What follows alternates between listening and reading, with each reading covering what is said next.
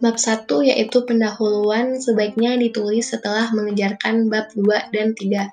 Hal ini dilakukan karena bagian pendahuluan sangat penting untuk dirubah seiring dengan perubahan di dalam proses penyelesaian literature review dan metode penelitian yang dalam proses penyelesaian menemukan hal-hal baru.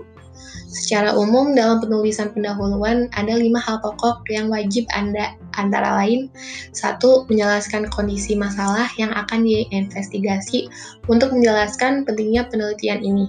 Selain itu, penulisan bagian ini dilakukan untuk memberikan introduction awal terhadap pembaca terhadap sesuatu yang ingin diteliti. Dalam konteks ini, kita harus berasumsi bahwa pembaca tidak memiliki knowledge terhadap apa yang diteliti. Dua, menjelaskan aspek-aspek atau bagian yang telah diteliti dalam penelitian sebelumnya. Dalam hal ini, direview beberapa penelitian yang memiliki fokus yang sama dan bagaimana secara singkat dijelaskan hasilnya.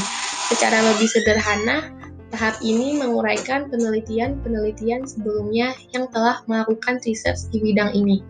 Yang ketiga, menjelaskan bagian spesifik dari penelitian terdahulu yang belum dilakukan dan akan diinvestigasi.